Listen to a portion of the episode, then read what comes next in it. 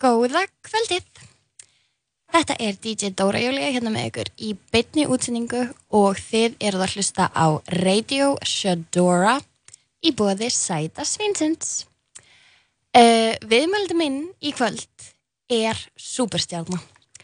Hún er leikona, söngkona, listakona, fyrrum solastyrða, mikið legend, LA lady og stór vinkona mín. Verður hjertalega velkominn til mín í Radio Shadora, elsku Unnur Eggert. Takk fyrir hvað, þú vilja kenni. Já, það þýðir ekkert minna fyrir mína konu Unni. Mm, takk fyrir að fá mig heimsá. Takk fyrir að koma. Síðast að við hittumst þá, nei, ok, það var á Íslandi, það var á Sveitisveininu. Já. En þar síðast að við hittumst, þá vorum við út að borða í LA. Nákvæmlega. Ok, ó. Mm, Lífið er svo alls lífið. Og þar aðeins voru á Coachella. Það er að voru á Coachella. Við hefum gert fullt að lit á þetta saman, elsku Unni mín. Já. Það er oft ógeðslega gaman að vera til þegar við erum að hanga. Ég veit það. við erum líka svo dögulegar að tala um það þegar við erum saman. Við erum alltaf að passa að vera að njóta núna. Ég veit það, oh my god, ég man svo vel eftir þegar við vorum einmitt á Coachella vorum, þú veist, í morgunpartíi bara í húsin okkar og sátum eitthvað svona með lappirnar og í sundleginni, bara svona að empowera hver aðra. Já, ég maður já, alltaf eftir það var svo gæðvikt, svo good moment. Og margt að því búið að ræta sem við vorum að Já, tala um þá. nákvæmlega, nákvæmlega. Það er alveg, það er aldrei þannig, líka ef maður hendur út í kosmosu og talar um það við aðra, þá er það er aldrei powerful. Já, algjörlega. Það verðist vera the case. Mm En ertu ekki hress bara og kátt? Jú, mjög, ég er búin að vera úti í sólinni allan dag. Já, þú bara komst með hana, með þér alla Já, you guys are welcome. Thanks. Já, það er sko, sóladagar í Reykjavík eru betri en allar aðra dagar. Ég veit það. Bara allstæðar í heiminum, finnst mér, sko. Og minnst það með er- sóladagur í Reykjavík miklu betra þetta en sóladagur í útlandum. Það er veist, málið, eða sko. Það er líka bara, þú veist, það kviknar allt til í þessu. Allir eru einhvern veginn svona svo brósmyndar og glæður. Við tökum þess ekki sem sjálfsögðan hlut, Nei, sko. við kunnum svo mikið að meta það. Já. Reitt að við fáum sem svona allir eru sammáli um að bara svona, oh my god, þurfum að Já. passa að njóta Já. akkurat núna. Þessi dagur, allir bara, wow, Já. finnst það geðvikt. Ég elska sóluna, elska sóluna.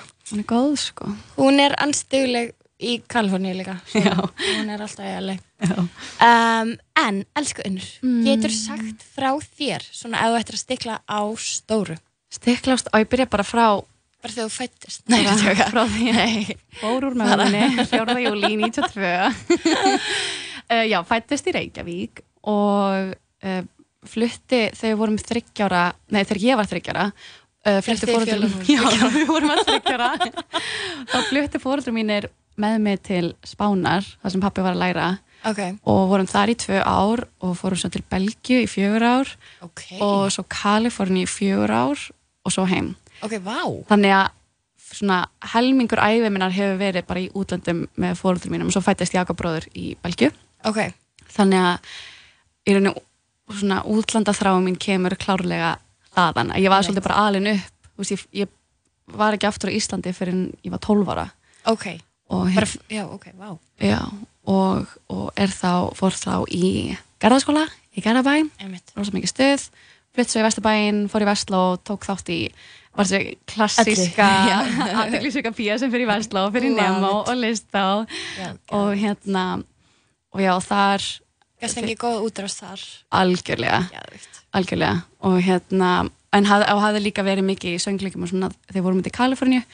Þannig að ég alveg sótti stíft í bara allt sem ég gæti fundið hérna heima ég fór í Anni í Östubæ og var í skilabóðskjóðan í þjóðleikursinu og bara svona æst Já, í allt hafður þetta algjörlega, þessa svona bakteríu í þér. Já, algjörlega Geðveikt. og svo þegar ég er í fjórðabækki Vestló þá eru þessar pröfur fyrir Sollu Einmitt. og það er náttúrulega bara algjörlega breytti lífið mínu að, að fá það hlutverk af því að þá var ég allt innu bara veist, að skemmta hverju einasta helgi Já, út um allt land og í öðrum löndum og þú veist í Kína og eitthvað. Þannig að það er rauninni svona þá var ég 18 ára og þá þar finnst mér svona í rauninni já þar byrjaði ég að svona vera meiri atvinnu Einmitt. leikona þótt ég hafði þetta lært Já, já, þá var þetta orðið að atvinnu. Já. Einmitt. og hérna og, og það var alltaf bara ótrúlega gaman og, og held áfram að gera eins miklu leiklist og ég get hérna heima með fram solunni og, og fór svo og svona dabbaði aðeins í tónlistinni líka Og það ekki Eurovision? Eurovision allir því Já.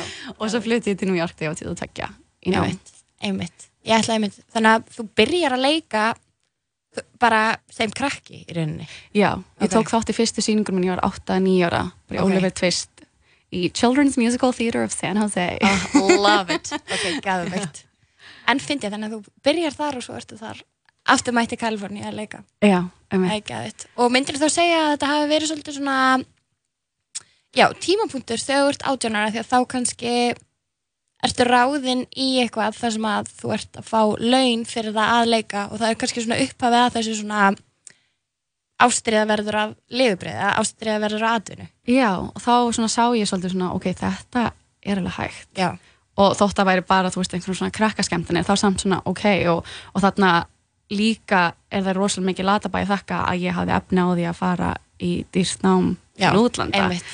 Þannig að ég var alltaf ofbúðslega þakklátt fyrir það geðveikt. Það er alveg magnað. Uh, og hérna líka bara einmitt það voru, ég man það voru svakalega pröfur og ógeðslega margir sem að hérna, þú veist þetta var mikið afreg sko. Þetta var, já, þetta var, rosa, þetta var góð markasetning fyrir já, Já.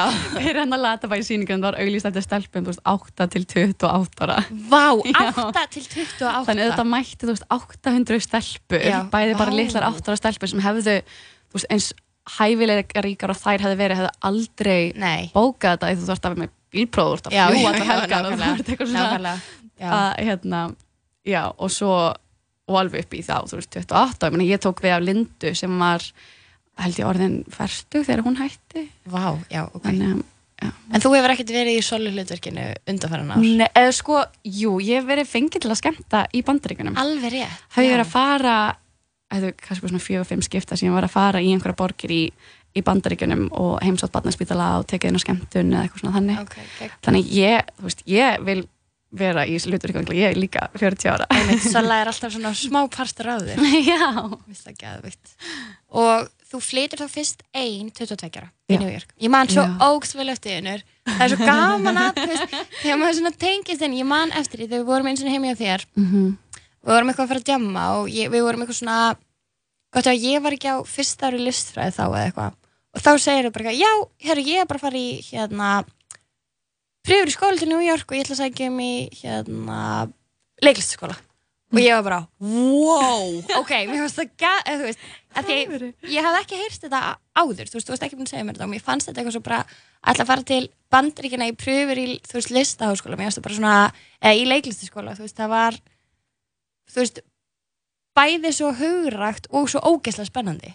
Vá, takk fyrir. Það Það, það, er sko munurinn á þér sem er jákvæð og bjartinismanneskja já, og mjög mörgum öðrum á þessum tímpunkti sem voru bara "Æ, hvað í helvítinu ertu að reyna að fara? Eitthvað, þú veist það var svo já, margir heyrður þetta alveg? já, já, bæði sem bara sagði beint við mig, bara eitthvað, þetta er, þetta er sko ótrúlega erfið, þú ert aldrei að fara að komast inn. Og ef þú kemst inn þá er þetta ókslega dýrt. Og ef þú kemst í gegnum námið þá ert aldrei að fara að vinna úti, það var bara svona Ok, mjög mikil svart sín í Já. kringum sem betur verið ekki hjá svona mínu nánustu vinum Nei. með fjölskyldu en ég fann alveg klárlega fyrir þessu. Já, að því að fólki fannst þetta, fólk er alltaf hrætt við, eða þú veist, oft, það er svona hræðsla við eitthvað sem að það myndi ekki sjálf þóra að gera líka. já, Það er svolítið styrlað, Já. þetta viðhorf. já, og líka já, og þú veist, ég er alltaf bara, nei, nei, þetta Já, þetta góða gerir við fyrir Íslandingum maður hefur alltaf hann að frasa.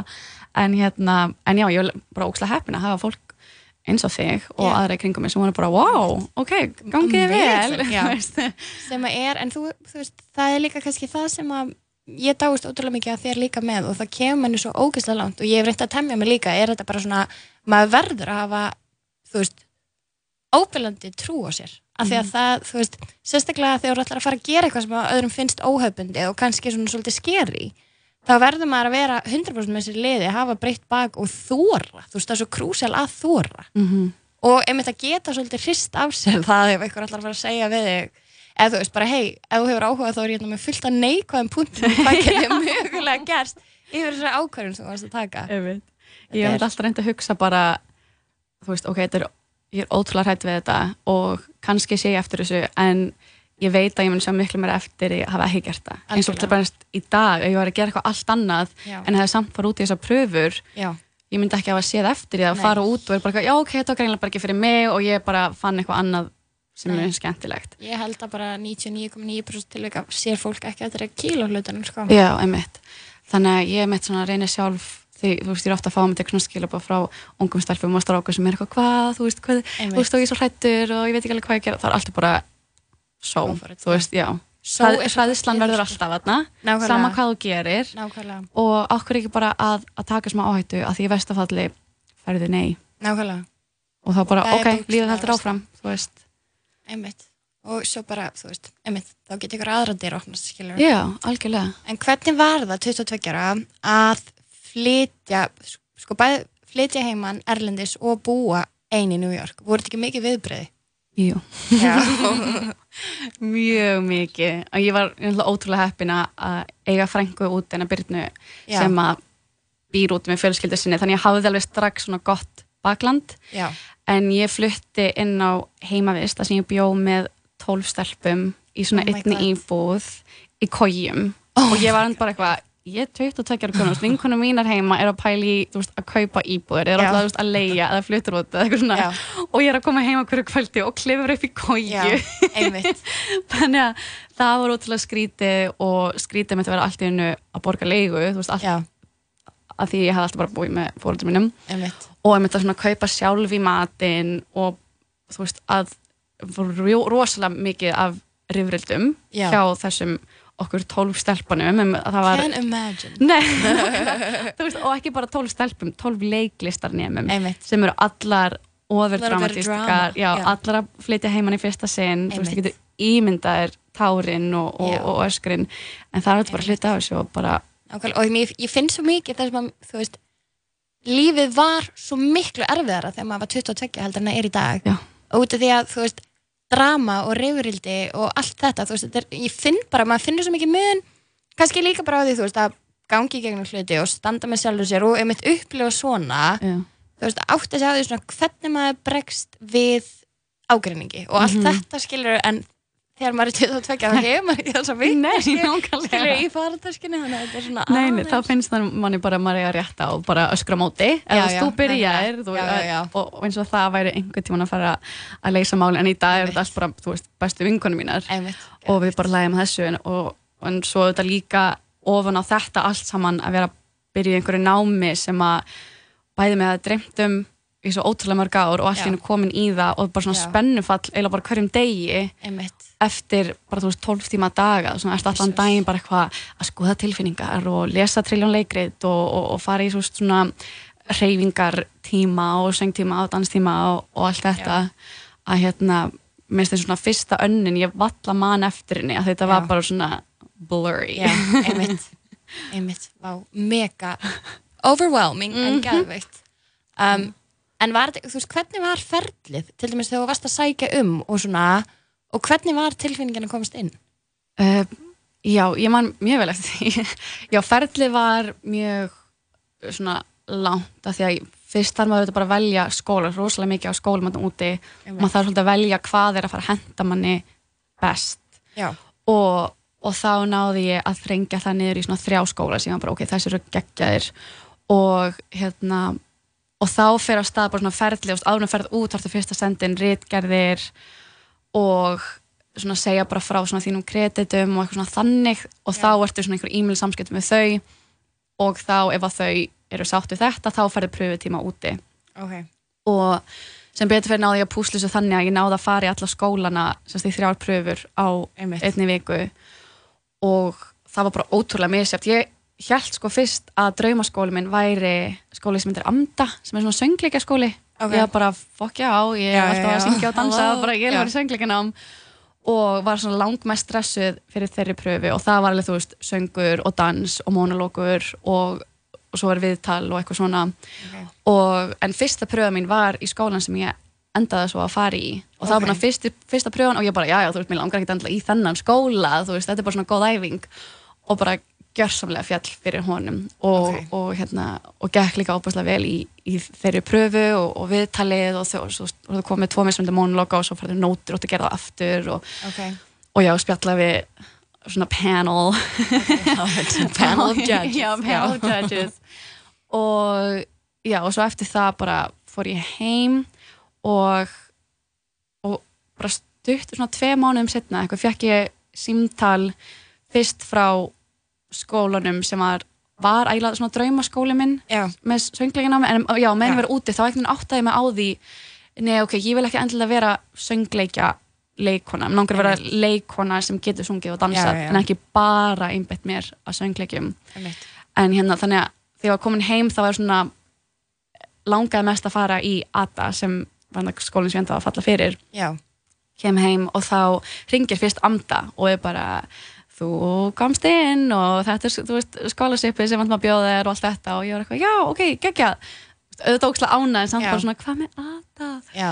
Og hérna, og hinn skólinn sem ég fór í líka, ég komst inn í hann líka Sturla! en fekk ekki að vita með ATA fyrir bara miklu setna Ok, þannig ég var alltaf bara, ok, svona- sama hvað er ég að fara út Já. mér langar mest í já, ATA og bara, oh my god þú veist. Og svo stundið setna ringdi þau mig og, og byggði mér pláss og hérna og ágætti styrk, þannig ég var bara oh my god, bara dreams come true Geðvikt, dreams really come true. Já. Ok, geðvikt. Og svo leikur leiðin, já, til New York og þú ert þar í hvað mörg ár? ég er þar í tæp þrjú ár Ok. og og hérna bara á útskriftar daginn kynnist ég leikstjóra sem að var í skólanum Ok. fyrir einhverjum tíu árum og hann var að halda svona aðalræðuna fyrir okkur útskriftanemana og ég sem sagt fekk uh, verðlaun á. Var, þú fegst eitthvað svona besti nefnandinn velun? ég fekk besta leikonan og svo ég vinna með besta leikari þú Ok, veist, og hérna, en út af því þá var það svo ókslega heppin eftir það þá fengum við, það er svo ógeðslega aftanlegt, en svona Já. við sem unnu verðlun fengum að tala við fólki sem var að halda ræður Ok. þannig að það var svona smá svona schmoozing þar Já. og þá Það þarf að vera góð í the smoothie. Já. og þá fyrir ég að tala við hennar leikstjóra og mamma og pappi voru hann líka úti og kynntist hann líka og þá var hann akkurat að ráða í söngleik sem hann hefði skrifað sem var um æfi Marley Monroe Einmitt. og við erum að tala og þú veist, allir kennarar mínir eru og þeir eru náttúrulega bara að ausa hrósi yfir mig Já. þannig að ég þurfti hérna að gera það lítið þá Já. var náttúrulega að leita að sem sagt uh, einum kvennkynstansara í viðbót sem þyrfti að geta sungið og leikið uh, eitt monolog Já. og það var svolítið fyrir hann að kasta í að þú veist, stelpuna þær eru svo mikið annarkvort dansarar allar sem hann var að leita og þá svolítið svona voru allir kennarnir ekki, já, menna unnir, unnir ekki Já. og út frá því svo talaði ég við, hérna, kom hann mér í sambandi við tónlistastjóran hans og, og dans, hérna, höfundin hans og ég átti að senda þeim alls konar vídeo og mér að syngja og dansa og fekk þar bara strax hlutverk Geðveikt. þannig að þau flugum mér til LA það sumar og ég fekk að taka þátt í Það er söngleiknum það sem þar. eru 2017. 16 2016, já, já, Já. já, einmitt, já, já, já. og Ok. hérna og já, þannig að þá var ég alltaf bara komið með hlutverk í söngleik og eitthvað, nei, þetta var fyrst í LA Já, þetta var í LA. þetta var ok. fyrst í LA, þá var ég eitthvað, oh, mm, that was easy bara, vá, svona Ok. lítur þetta Einmitt. alltaf að vera High on life, bara, ó, já, já. Flæðið. Það er, og þá, það var bara svona mánaðarverkefni og svo bara fer ég aftur til New York og svo stendur til að setja upp leik hérna, nei, setja söngleikin upp aftur í Vegas Einmitt. og þá er þau bara eitthvað, hei, þú veist, þú náttúrulega að þú veist, átt þarna hlutverk en Já. þú getur ekki haldið nema að þú flyttir til LA Já, og ég var eitthvað, ok, þú veist er einu var alveg búin Sure. að leika eitthvað aðeins í New York, þú veist, gera eitthvað svona lítil svona Shakespeare leik, þetta voru ógeðsa skemmtileg já, en borguðu voðalega lítið. Einmitt. og þarna sá ég bara, þú veist, aðrun tækifæri og búin að kynast þessu fólki og, og bara frábært tækifæri því. Og flutti til LA en svo gerist það að söngleiknum senkar um alveg árið eða eitthvað. Þannig þá var ég í LA held að ég væri að að byrja strax á æfingum en svo bara frestaðist það og frestaðist það þannig það var eitthvað, ó ok, þá fekk ég þú veist, sótti ég eftir að fá umbóðsmann og, og í gegnum hann fór ég svo bara í aðra pröfur og var svona að bóka önnur verkefni þang til við fórum svo loksins til Vegas í hálft ár. Ok, þannig, og það kláraðist bara síðasta sömar einmitt. Það var í, ma- já, í kringum Coachella þá var það svona að Já, einmitt, Ok, einmitt. Einmitt, einmitt Ok, geggjað. Og hvort ertu New Yorker eða California girl? Girl, mm, ég veit það ekki Þetta er sko allir leipila sig annarkvort. Það er einhvern veginn, mér finnst það svo mikið úti. Fólk frá New York sem er í LA er annað, þú veist, mér er svo mikið svona, já, það er svona eitthvað svo mikið identity sem fylgir í annarkvort að vera New Yorker Já. eða California. algjörlega og ég var, Svona- ég fann að ég varð strax svona New Yorker. Bara um leiði ég flytti út, ég var bara Já. bokki þetta borgið minn allir að Já. hann hratt og allir eru gett svona uh, on it. Alveg Og ég- drullu saman með alla aðra og algjörlega og ég löfaði það. Já. og svo þegar ég flytti til LA mjög ákveðin orka í því já, og þegar ég flytti til LA þá var oft sagt við mig bara eitthvað are you a New Yorker? af því ég Já. var eitthvað svona, ég var eitthvað aggressív gagvar, ég var eitthvað, I'm no way. I'm walking here Það geta Þannig að- hljóðið, oh my god I love your outfit. Nei, ég var bara get out. Þannig að en LA er klárlega búið að mingja mig. Já, og hérna og þú veist, nú, þegar ég flutti fyrst til LA var, var ég bara, þessi borg á ekki raskat í New York, bara hvað er hún að reyna og bara eitthvað svona. Já.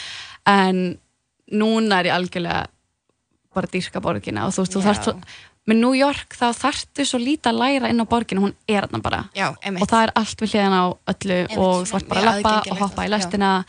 Í LA þá þú veist þetta er eins og margar borgir í einni borg. Og það er bara að finna hver af þessum borgum er svona þitt væp. Hvað er your cup of tea? já, þetta er ekki jafn svona aðgengilegt og New York. En ég, ég er alltaf einhvern veginn á leiðinni alveg að, að flytja aftur til New York. En maður er bara með svona FOMO veist í Já, allar áttir. Einmitt, einmitt Þannig ef ég myndi fara frá New York, ok, þá er ég kannski að stopna einhvern samböndum hér, ég hætti við svona castingdirektor og leikstjóra sem ég er búin að kynnast. Einmitt, en ég samt með ógst mikið FOMO í New York að þar eru flottustu leikhúsin. Já. Og ég meni svo er ég alltaf með FOMO til Íslands að þar Já, eru, þú veist, my girls.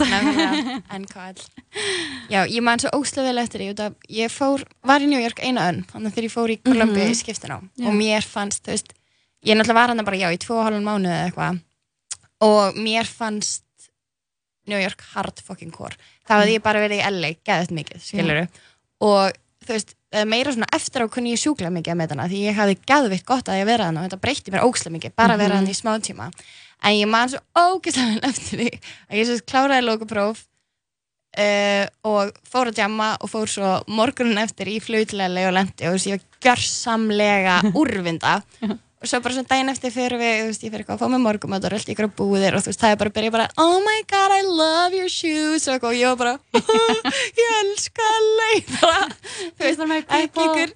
Ég man, þú veist, einhvern veginn var ég eitthvað auðvitað með geðveikt stressi í midterms og lappaði og vart inn, það var svo vinnum minn og ég lappaði og vart á Malbygg, ný Malbygga með skóin minn og eitthvað kall öskraði á mig og hann bara gargaði á mig og ég fór að hágráti og hann var bara oh, sorry, sorry, just watch your step. Og ég var bara eitthvað, oh, hringdi í mömmu þú veist, þetta var svona, þetta var harka sem ég hafði svona mjög gott af, skiljur Já. en í LA þá var ég bara eitthvað svona mér langar bara allir hrósi mér þó, þau sé ekki að meina.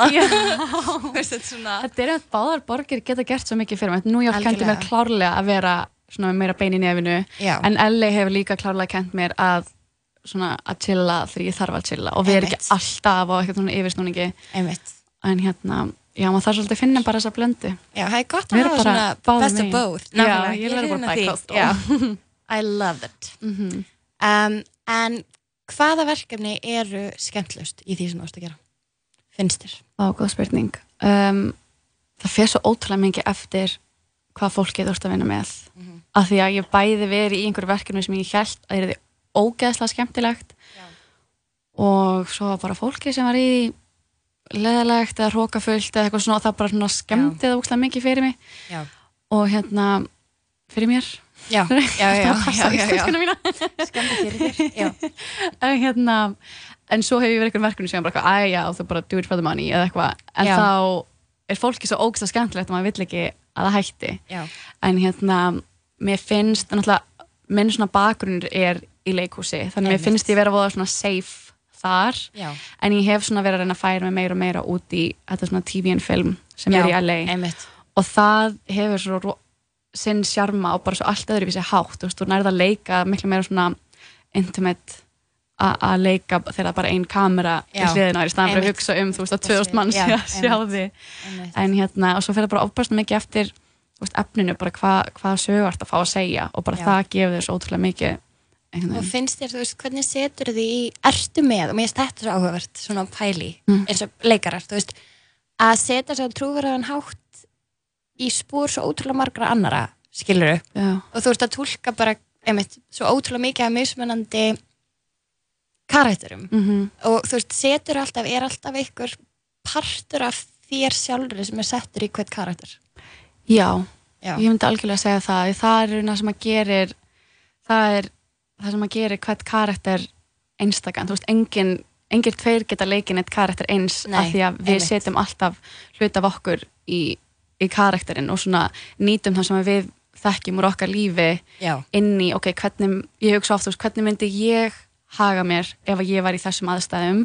Já. og svo bæti ég on á og karakterin sem ég er að leika, ok, þú veist, hvernig uppeldi fjakk hún, hvernig eru aðstæðurinnar, þú veist, oft get ég bara ekkert, er þú veist, rosalega lítill hluti af Já. mér í manneskunni af því að við erum bara svo óbúslega ólíkar og svona bakgrunn okkar er bara gjör ólíkur. Og þá fyrir miklu meiri vinna ég hugsa bara, ok, þannig að ef að, þú veist, ég væri bara búin að vera fyrir heimilisofbeldi mörg ár, þú veist, hvernig Já, myndi ég já, já. standa, Æ, hvernig myndi ég ég væri ekki eitthvað svona bein í baki Nei, nei, og, nei, og eitthvað svona brosmenn, veist, ég Já. myndi haga mér allt öðruvísi og ég myndi horfa, sjá heiminn allt öðruvísi, ég reynir svolítið að hugsa það bara hvernig sjá þau heiminn en þetta er svolítið mikil rannsókn að vinna. mjög mikið. Og svo, en svo oft, eins og í Marlin söngleiknum, þá var ég leika Jane Mansfield sem var leikona sem var saman tíma Marlin. Já, og hún var líka svona bara hún að ljósærð bomba alltaf í samkeppni við Marlin. Já, og það er bara svona auðvitað að leika skilur það einmitt. bara, þú veist, búið að stækka með brjóstin og ég með eitthvað ljósa og, og, bombshell.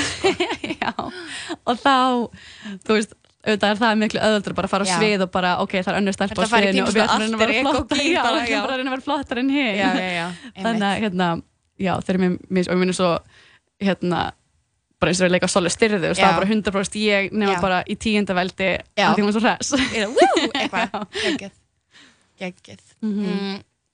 Hverju ertu stoltust af? Vá, þetta er stór spurning. Þetta er erfið spurning. Sko maður fer einhvern veginn strax að hugsa út í svona ferilinn og afrikinn einhvern veginn en mér finnst einhvern veginn það sem maður ætti að vera stoltastur eða svona maður ætti, það sem maður er best að vera stoltur af og það sem maður ætti rauninni alltaf að vera meða að er hvernig maður kemur fram við fólki í kringum Algjörlega. sig og hvernig maður kemur fram við samböndin í lífisinu Mhm. og svolítið eins og komin á áðan með þegar maður er að rífast við eitthvað þegar maður er 22 ára versus núna þegar við erum 27 Nákvæmlega, nákvæmlega. að ég er svona kannski bara stoltust af því hvað ég er búin að hafa mikið búin að leggja miklu áherslu á að svona st- stækka og þroska sem manneskja bæði bara öllum mínum samböndum og bara hvernig ég er sem einstaklingur að ég legg ótrúlega mikla vinnu í bara hver ég er og Já. lífið á ekki að gera bara koma fyrir mann, veist, við Nei. erum að stjórna lífin okkar og Nákvæmlega. við erum alltaf eins mikið mannum finnst alltaf vera stjórnlaust í kringum mann þá höfum við svo ótrúlega mikið um það að segja hvernig við komum fram við heiminn og fólkið og, og, og vinnun okkar og hérna og, og hvað við getum gert til að gera okkur að bestu útgáfinu okkur sjálfum Nákvæmlega. ég myndi örgulega segja, ég sé kannski bara stoltist af því hvað ég, hvað ég er búin að í rauninni stunda mikla sjálfsást þegar kemur að bara að lesa bækur um bara, þú veist, hvernig þú ert yfirveri manneskja Já. og þú veist, að stunda hugleyslu og, og, og bara svona sig. rækta sig og þar að leiðandi rækta samböndi við fólki sem þú elskar Algjörlega. og bara svona mist öll vinasambönd mér er búin að styrkjast rosalega mikið á síðustu árum og, og hérna, Þetta er það magnaði við að eldast, sko. já Það er einhvern veginn, mér finnst svo, ég er svo glöð að, að þú veist, það er svo gott að geta hugsa að fá hvað ég glöð að vera akkurat hér, akkurat núna með sjálfur mér út af, mér finnst bara sambandi við, við einmitt sjálfur mér verða bara betra frá degi til dags og árið til árskilur, það er bara stórmunur þar á, sko. einmitt. Og, það, er svo fegurðin í að leifa sér að læra þegar maður er að þroskast og þróast og Nákvæmlega, svona, sko. og pældi hvað veist miklu skemmtilega líka að vera í kringum, það er alltaf verið gaman að vera í kringum þegar skilur við Same. En þú veist, því meira sem við ræktum okkur sjálf allir græða á því og allir græða á því ef allir eru svolítið að, að bara pæla þetta hljóma svo ofbúslega svona sjálfmiðað en svona, mér finnst að mikilvægt að við séum að pæla í okkur sjálfum og Þú veist, hvernig við getum betur bætt okkur Algjörlega og mér finnst að maður skulda fólkinu í kringum sig eitthvað og bara fólkinu sem að þykir vænstum, þá er það það að maður sinni sér sem maður getur sinni mm Mhm. sko. þetta er algjörlega Mhm. þannig you create your universe as you go along skilur, maður er bara hver dagur er nýr dagur til að skapa sitt líf skilur, einmitt. þannig að það er, það er er ógeðslega, minnst þetta geðveikt gott og það, þetta er svo bara geggja svar hjá þér, elsku unni mín. Af því að þú veist, þetta er einmitt svolítið svona við ráðum svo miklu. Við ráðum alltaf hvernig við bregðumst við. Við ráðum hvað við segjum. Þú veist, við ráðum hvernig við höfum okkur. Maður, þú veist, auðvitað, jú, maður er ekki fullkomin og maður stígur fullt af feilsporum og eitthvað, mm -hmm. og hugsa upp bara, ó, ég hefði kannski átt að bregðast við þessu eða eitthvað, en þú veist það er aldrei of seint líka að læra bara af því Nákvæmlega þannig að þetta er mjög gott, það er ótrúlega gott að tilinga sér þennan hugsun á Já, sko. og þetta er auðvelt að þú veist já, það er auðvelt að segja þetta, eitt að segja þetta og eitt að tilinga sér þetta og líka Já. auðvitað það er ekki að segja að maður sé bara eitthvað að ég sé bara eitthvað, nei það eru engi gallar í mínu lífi eða þú veist, auðvitað það eru miljón hluti sem ég vildi að ég hefði gert og einmitt eitthvað svona pröfur sem ég fór í og bara var hartbrókin að hafa ekki bókað á og, og, og svona þannig hlutir en maður það bara kjósa að líta á aðra á, á hina þættina lífumann sem er, maður er þakkláttu fyrir. Nákvæmlega. og svolítið, þannig mitt stjórnum bara nákvæmlega hvernig mann er líður hverju sinni. Akkurat, og sjá svolítið í samingi út að lífi er svo, þú veist langt heimur er svo stór að það er einhvern veginn bara svona vandamálin eru alltaf bara þú sér þau með smásjó skilur þau eru svo lítil oft að það er svona ég reyna alltaf, mér finnst svo þægilegt að hugsa þegar mér finnst eitthvað að vera ótrúlega yfirþyrmandi og bara svona allt einu verður að stærri en lífi þá bara svona ef maður bakkar aðeins og sér hlutin í samingi þá nær maður ofta að rósa svolítið niður sko. algjörlega, það er mjög mikilvægt. Þetta er allir sem er að hlusta endilega tilengi ykkur. Já, og bara er draga með inn and- djúpt fyrirlestrarinn. andan það er svo mikilvægt bara að anda djúpt nokkur sinnum á dag. Og ég man, Nákvæmlega. eitt sem þú sagði mér eitthvað, Dóra, þú hérna þú hefði lesið þetta í ykkur bók eða eitthvað í hvert sinn sem þú opnar hurð já, að minna þig á að vera Já, í núinu. og bara eitthvað svona litli hlutir eins og þetta bara, bara ok, byrju, ég er í núinu. Okay. Núvitund, er ég að eiga einhver samtali í hausnum mínum við einhverja þú veist, Já. er ég að rífast við kærasti minn Já. í hausnum á mér og hann er ekki sinni nákvæmlega. Já, er og, maður alltaf farin að ákveða eitthvað hvað maður alltaf mögulega að segja á Já. einhverjum tíma, veist, að og bara, búin að ákveða hvað hinn aðilinn já, segir nákvæmlega, og eitthvað þá segir ég bara þetta og ég veit það. Bara, nei, nei, er- tíminn til að eiga það samtal var annarkvort þegar manneskja maður fyrir fram að þig eða Já. þegar hún kemur fram. Þú ætlar ekki að ekki- rífast við sjálfa þig núna. Nákvæmlega, það er oft gott að vera bara ok, stopp, nú ætlum Að að svona góð æfinga til einhversutum bara, ok, ég er að opna hurð, ég er að horfa út ég, það er gott sko. Það er gott, en uh, hvað er á döfinni, er eitthvað svona já, hvað er framöndan? um, það er núna óbærslega spennandi tími framöndan um, ég, já, ég er á landinu til næsta fimmtudags og svo fyrir aftur til LA Já. og þá er núna að byrja það sem maður kalla svona episodic season það þannig að janúar í janúar byrjar svona pilot season þar sem að allir þessir nýju þættir e, það verður að pröfa í þá og Ok. þá er bara verið að taka upp eitt þátt fyrir einhverju já, og þá er, er verið að taka þá alla upp núna og eins og þá, þú veist, einmitt fór ég myndi einhverja pröfu sem var bara, eitthvað, oh my god, bara, þetta var ekki að þetta verið í þessu og bara ég var að leika móti þessari leikunu bara já.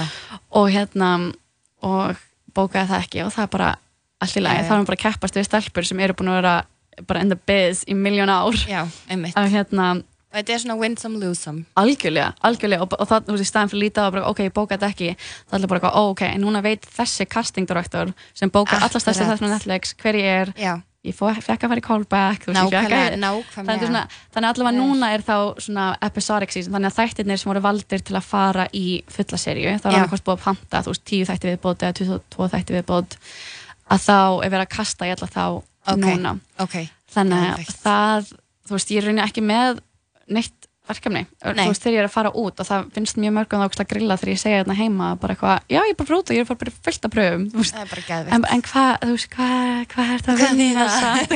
En bara, æ, veistu, þú veist, þú já, bara- þetta er bara, þetta er the job. Algjörlega. Og mér finnst það bara ógæslega spennandi og ég er mjög spennt að fara spennandi. út og bara svolítið sjá, þú veist, ok, hvaða castingdirektor getur komist fyrir framann og, og, Já. og hvernig hlutverk vantar og, og hérna, og þú veist, nokkra þessu castingdirektorum, með þess að bara mér í Íslandi, ég er búin að vera eitthvað svona að tala við á Instagram, þú veist, þá Ok. er bara, hafði samt í Instagram bara eitthvað, hei, mér vantar svona fyrir þetta á sunnudaginn, kemst í tökur, og ég bara, Ok. okay. þið ekki eru í Já. Íslandi, en takk fyrir Já. Ég kem út á fimmtudaginn, verðum í bandi, þú veist, þetta er svo Já, mikið já, já. svona right place, right time, Nei, algjörlega, eins og lífið já, Já, nákvæmlega. Þannig að, já, svo hef ég verið svona aðeins að, hérna, fyrta í tónlist úti Einmitt. Ég sá, þú varst að spila hann á W Hotel um Mhm, daginn.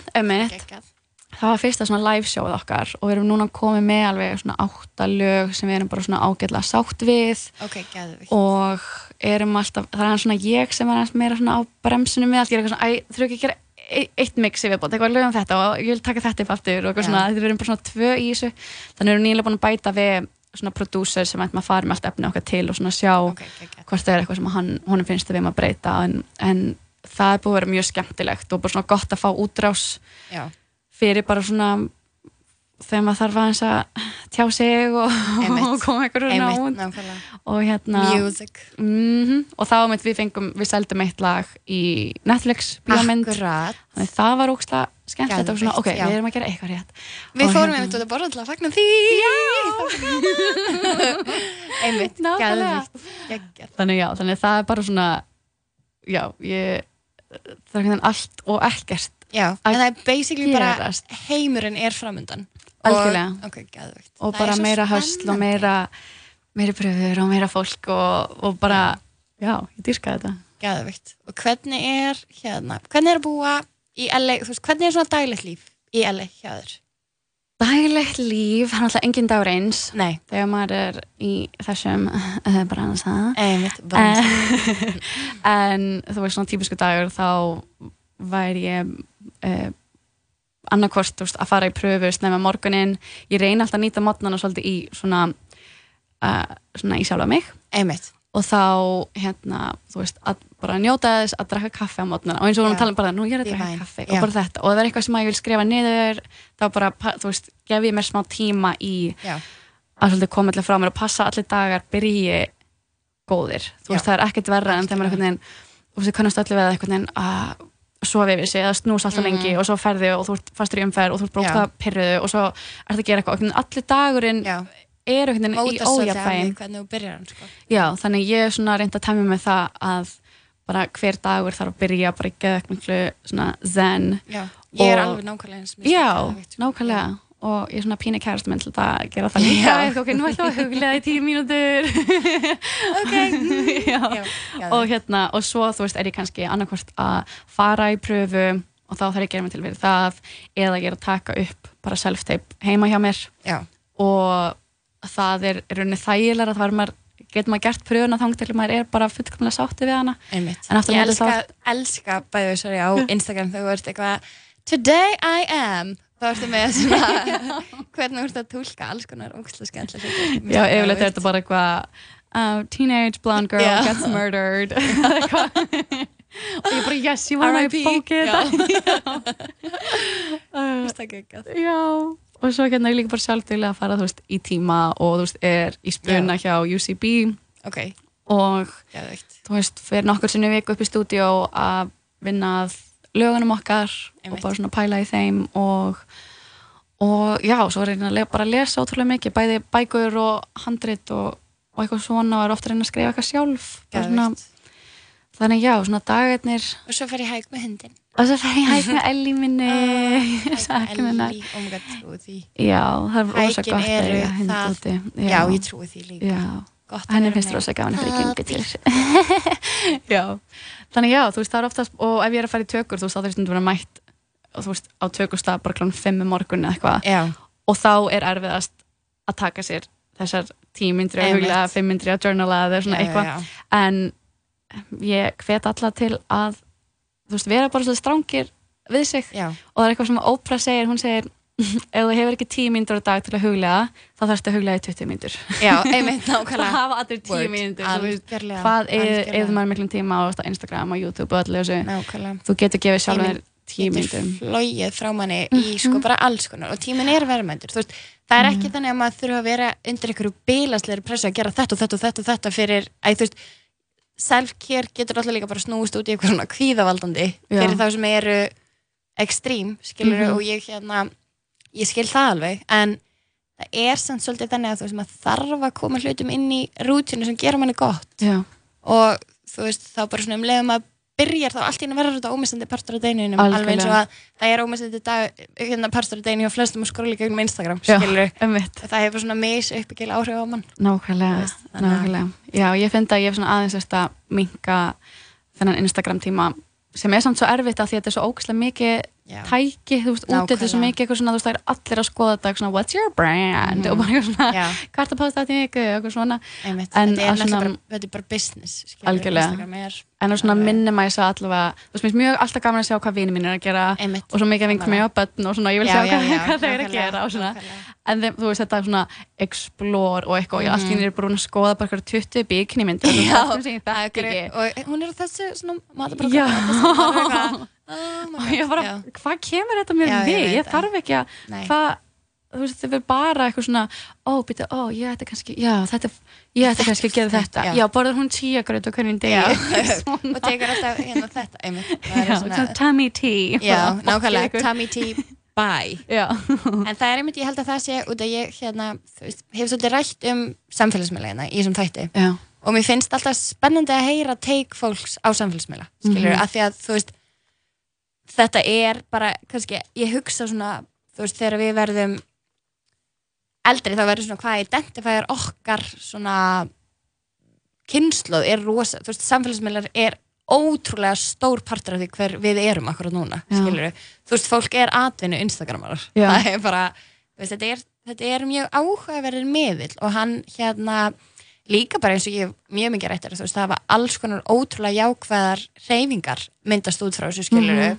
bara eins og þú líka hefur orðið vörfið úti náttúrulega þú veist, Me Too Algjörlega. og allt þetta skiluru þetta er alveg svona magna tól en auðvitað tví ekki að sverða eins og allt annað og ég held bara að kýs ég að maður verður að geta verið gaggrinin og svolítið sterkur að vita hvað, einmitt hvað varðar mann og hvað ekki sko. Mm Það Það er með það sem mjög er svo sko. ofbærslega mikill leikillinn í þessu að mér stengt mér að þegar ég verð svona að vera að tala við fólk og er eitthvað, hei, kannski ég minga hans Instagram og þetta er hvað, má, er bannað að sjá hvað, þú veist, fjölskyldun minn er að gera eða eitthvað eitthvað, Já. nei, nei, nei, en fjölskyldan líka ekki gera þig, vonandi er fjölskyldan ekki að hafa neikvæð áhrif á þeim, já, já, það er meira með þetta er komið út í hennan samanburð sem er svo Nákvæmlega, stór veit hættulegur það. og bara það græðir enginn á honum. Nei.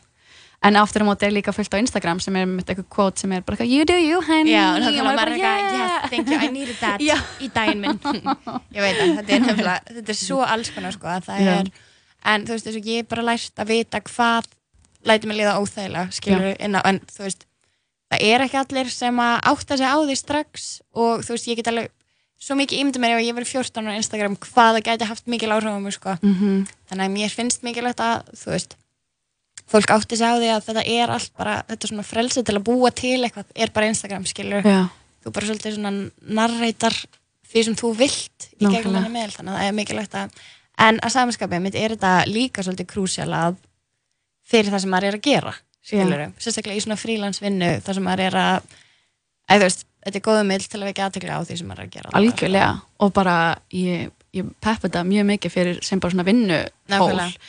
en þá En- þarf maður að mynda að kunna að lokka sig út. Já, sko. og, og já, lokka sér út og líka bara svolítið að pæla í því, bara svona, ok hvað, fyrir hvað er ég að nota þetta? Og hvað finnst mér gaman að sjá? Og hvað vil ég fá út úr þessu? Og bara spyrja sig þær spurningar Já. getur breytt okkur, þannig næst þegar þú ert að skoða bara, þú veist, einhverjar píur að gera, þú veist, ég veit ekki að elda Já. eitthvað, ég Já, bara svona, já. hmm, er þetta gagnast mér öruglega ekki, maður aftur að skoða zen quotes nákvæmlega, það er bara, subscribe bara okkur Já. þá er maður bara mm -hmm.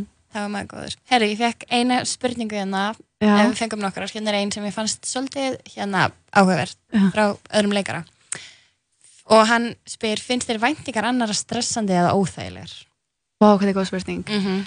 um, Mér finnst Já Sko, ég er búin að pæla í þessu mikið undirfari að ég þurfti aðeins svona að taka smá samræður við til dæmis fóröldur mína. Já. að þau hafa alltaf verið sko mjög svona stutt við baki á mér og geðveikt bara ég er mjög hepp, þú veist það er mjög margir sem hafa ekki jafn svona gott klapplið sem er bara, já, já, ekki drauma þina, þú ert frábær Einmitt, go for it.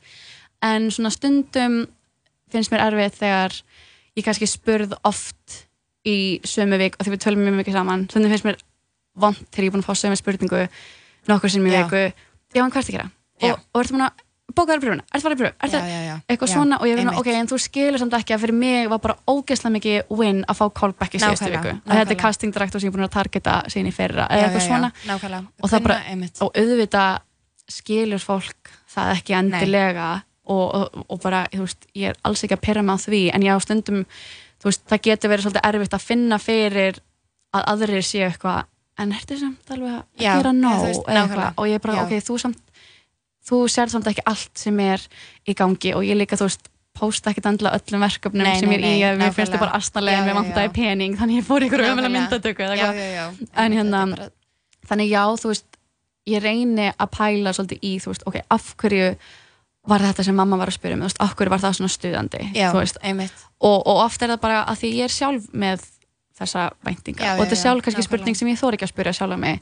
Og þá, hérna og þess vegna var hún óþægileg og auðvitað veit ég að allt sem fólk spyrir mér að koma frá, yfirleitt er að koma frá svona place of love.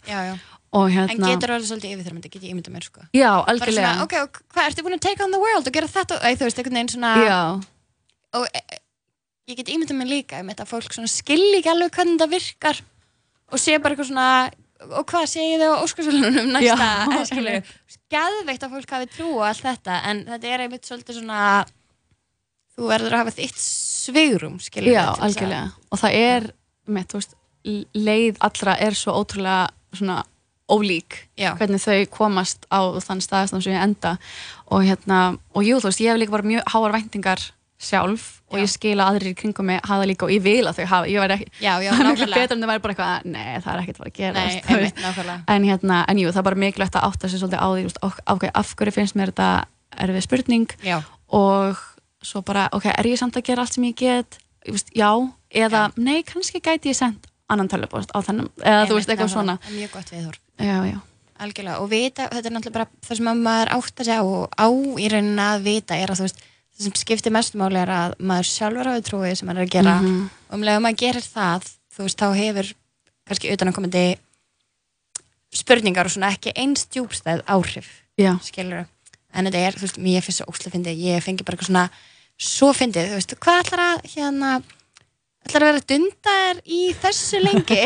Og þú veist, maður er eitthvað svona æ, þú veist, ég veit að þú veist ekki reyna að móðga mig ógæðslega mikið en þú veist, æ, skilur og maður er eitthvað svona, já, er hægt að lifa af því að vera bara plötsnur í Íslandi? Og maður er eitthvað já, þú veist, annars væri ég ekki að Nákvæmlega. því, skilur það er ekki Það er, nei, þú veist, það er, það er ástæði fyrir ég er að gera þetta og mér finnst líka stundum svona pínu Æ, eins og mamma elskar hana út af lífinu og hún er Aha. best. En þú veist, Aha. þegar ég var að byrja í þessu þetta var að byrja hérna bara ganga mjög vel og fólk var að spyrja "Já, hvað er þú að gera? Og ég já, hérna, ég er að vinna sem plötusnöður þá var mamma alltaf, í byli og ég bara hættu að segja Oh í byli þú veist, ekki, ekki grípa fram í fyrir mér skilur að því að þá samt gæti ég sagt bara við hennar, þú veist, hættu að segja í byli Mhm. og það fór ekkert mikið mér fannst bara svona pínu leiðilegt skilur Já. en svo bara einmitt breyttist viðhorfið hennar algjörlega skilur Einmitt. og hún er núna bara að segja fyrrabræði öllum það skilur mig. En þetta er svolítið svona, ég held líka þegar maður fer óhefbunna leiðir þá finnist manni maður kannski þurfa svolítið ekstra mikið að sína sig eða sanna sig eða eitthvað. En þú veist, þegar allt kemur til alls þá er það eini, eina mannskinn sem að þarf að vera í rauninu stolt að þér er þú sjálf fyrst og fremst sko. algjörlega. Og maður þarf bara einmitt, að koma sér á þann stað og vita bara ég er að gera allt rétt. Og Já, bara ég er á rétti leið og þú veist, ég get bara syngt það bara í, í mínu Excel-skjali. Og bara, og þú veist, og bara þótt að kannski aðri skil ekki nákvæmlega hvað ég er að gera eða, þú veist, ég fæ líka ógstaf spurninga bara hvað, hvernig ertu samt að græða pening? Eða þú veist, Já. er þetta, eru fóreldrarinn að borga fyrir það? Ég bara, nei. Þú veist, maður er bara höst og þú veist, já, það eru, já, miklu fleiri verkefni úti, miklu fleiri, þú veist, miklu fleiri leikari líka að berjast um þau, en þau verkefni Já. sem maður fær, þú veist, borga, Nákvæmlega. borga bara fyrir nákvæmlega, nákvæmlega. Þannig að, hérna, you make it work, skilur já. Og það, en líka það sem ég held að sé alltaf góða punktur, bara svona í þessari umræðum er að maður þarf og þetta er líka eitthvað sem að veist, maður, vákamar er búin að læra mikið auðvitað fyrir árum. Sérstaklega að vera svona, þurfa að standa svolítið með þessu og vera í lið með þessu veist, þetta svona að geta staldra við og vera stoltur á sér já er ógeðslega mikilvægt mm að kunna, þú veist, að vera svolítið svona út af, ég veit ekki maður er svolítið svona fer úr verkefni í verkefni og er veginn svona þú veist, að reyna að vera á fullu og reyna að Já. sjá fyrir sig hvað maður vil gera og hvert maður vil stefna og allt þetta en það er svo Mhm. mikilvægt að geta staldra við og einmitt bara svona, fyllir ég ógeðslega stolt að ég fekk callback frá þessum leikstjóra þú Mhm. veist að kunna þetta, geta séð sigruna sem maður er að Já. án þess að, þú veist já, maður þarf að kunna að maður verður að hugsa vel um sig, það Já. er bara krúsel sko. það er svo krúsjál bara mæli með því já, ég líka, þú veist, ég bara breytir lífinu alveg svakalega mikið algjörlega um, hvað eru fyndnustu áhörnum frá sem þú hefur farið í? ah. um, ég fór í mjög finna pröfum daginn fyrir auglýsingu sem var fyrsta lagi átti ég að vera mamma ok, og þú veist, jú, vinkon mín er að mömmur og ég gæti það alveg en þú veist, flestir líta yngri út í kameru heldur en þú veist, þeir eru þannig að já, þú veist, við, allavega, þetta var Já. fyrir eitthvað svona hlaupajakka og í pröfunni átti ég vera eitthvað svona hlaup á staðunum og svo er hann eitthvað ó, þannig, veist, og castingdirektorinn er svona að segja alls konar og þú ert svona að bregðast við og hann er eitthvað, ú, eitthvað, ú, það er smá kallt eitthvað, þannig þú ert eitthvað, ú, rennir reikkanum upp og svona eitthvað, vó, þannig að ég kert það, þú ert eitthvað oh my god. þetta var svo fáránlegt og bara þetta var, og svo bara já, held að hann hlaupa á staðanum ok, lagið hans hárið þær ok, og svo var barnið þetta að koma og þú veist það er að hlaupa í fangið þær og ætlar að knúsa það. Og ég bara, hvað, eða, þú veist, það verður bara eitthvað það var eitthvað fáránlega að fyndi en er, já, já, þannig að það, svona auðlýsingapröfur eru klárlega skrýtnastar, en svo Já. fór ég líka einhvern veginn í pröfu fyrir uh, einhverja bíómynd sem var uh, ég var búin að fá semst handritið og það var bara ok og fer inn og þá er castingdirektorinn sem bæði bara, þú veist, voru bara gaurar já, og þeir eitthvað, já, bæði hérna, það er hérna eini sena, getur þú gert hana bara svona cold read, þú veist, þá er ekki Já. að lesa þú bara gerð, gerð, gerð, gerð senuna og eitthvað, já, bara og hann svona rétti mér þetta og er gett svona sposkur og svip og er eitthvað, já, þú múna lestu bara eins og í gegnum þetta og, og verður bara vissum að þetta sé, þú veist, í lægi og Já. ég bara, hvað er les þetta og þá er þetta eitthvað svona dream sequence Já. þar sem ég var sérst í pröfu fyrir uh, kærustu aðalgæjans já, og þetta er eitthvað svona þar sem að hann er að dreyma að hann eitthvað svona er að lappa inn í svefnherbyggi og ég er bara að sofa hjá einhverju svona skrimsli Og- my og í god. handritinu var bara eitthvað að ég var að öskra, þetta var svona skrifað bara í caps bara, bara eins og í klámynd. Oh bara allt sem þú veist væri í klámynd var bara Já. þetta. Og, bara, með, og hann er að horfa á þetta og þetta bara svona stigmagnast og ég var bara þetta var ekki Nei. no we just added this. Eitthvað, ok, just go in front of the camera and do this. Og ég var bara, nei stráka Já. mínir, bara mm, mm, mm. og það bara brjáluð og fór út og veist, og tilkynnti þá til veist, að þetta var þetta var ekki umbóðsmann minni, þetta var Já, já, bara fyrir pröfu síðu já, þannig að ég hafði samband við þessa pröfusíð og var bara ok, þessu gaurar er að reyna að fokka í bara einhverjum ungum leikonum og þeir voru líka bara eitthvað uh, alla leikonar sem er búin að koma í dag er búin að gera þetta. Hvað, er þetta eitthvað málega eitthvað að reyna að geta láta mig líða illa og til að ég myndi gera þetta bara, þú veist, og þá er ég bara Jesus. þið ætlaði að eiga mig á kameru að segja hvað þessu gott að er í einhverju skrimsli já bara erum við heimskir en djöfum pæltu í því hvaða er þá gott að geta verið bara í liðu með sjálfur sér Já. og þetta held ég að sé þú veist, þetta er það sem ég er svo glöð bara að vita af þér þú veist, af því að þú ert bara að þetta sé ekki til á myndbandi nákvæmlega, eða skilur Já, að þú kunnir að það. standa uppi fyrir þér Já, og þetta er eitthvað sem að, þú veist, ef ég 21 ás, ég veit Já. ekki hvort ég hefði þórað að vera jafn, þú veist, ég hefði kannski bara eitthvað, ó, ég veit ekki alveg og kannski farið út, en svona, ég var bara svona ógeðslega reið og bara Já. vildi að þeir vissu að þeir væru bara Þetta væri bara ekki í fucking og ég lagi. ætla að tilkynna það og svo bara gerði ég það og bara svona, ég vona að þeir bara vinni aldrei aftur Já. hell no Hell no. ég er svo stolt að Unnur Æ, sem er leiðistóra mín. heyrðu, tíminn er búinn að fljúa frá okkur. Mér langar í lókin, eru tveir hérna, ég verð bara að fá því, næstu kemur þá verðum við bara að koma part 2 því það er svo að spyrja þig. um, En um, ef þú veitir að gefa eitt ráð til þeirra sem er að hlusta, hvað væri það? um, standa með sjálfur þér sjálfum þér Já. og hérna bara að þóra og að hræðisla er tímabundin og ekki uh, hræðisla er uh, hlutlæg Algjörlega er það ekki orðið? Jú. Já, hún, er- já, já. hún er hlutlæg en Svona- reynda breyta henni í hlutlausan ómerkilegan hlut sem að þú getur bara svolítið tekið frá aðstæðunum algjörlega Og- Ná, svona, geta sett það í samhengi Já, og mér finnst svo gott það sem að þú ert búin að koma nokkur sem á svona hvað varðar mann og hvað varðar mann ekki? Já. Mér finnst það, hérna, ég er bara super inspired eins og alltaf að þér besta mín. Sömulegði sástu mín. Ertu Takk til fyrir að takk æðislega fyrir komuna og mér langar að skvesta að fá smá óskalag Já, um, það er sjálfsög Lizzo Of My course. girl og hlustum á lagið um, Like a Girl like af nýju plötun hennar sem heitir Cause I Love Cause You. I love you. Hún er Like með a girl. tónleika í LA í oktober, kemur ekki? Jú, ég mætt Mættust Stjáum Erðu, elsku innurgangi er allt í hægin Takk aðstu mín. Og hafðu það sem allra best. Love you. Love ya.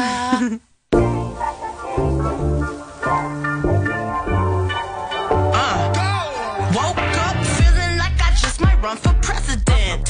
Even if there ain't no precedent. Switching up the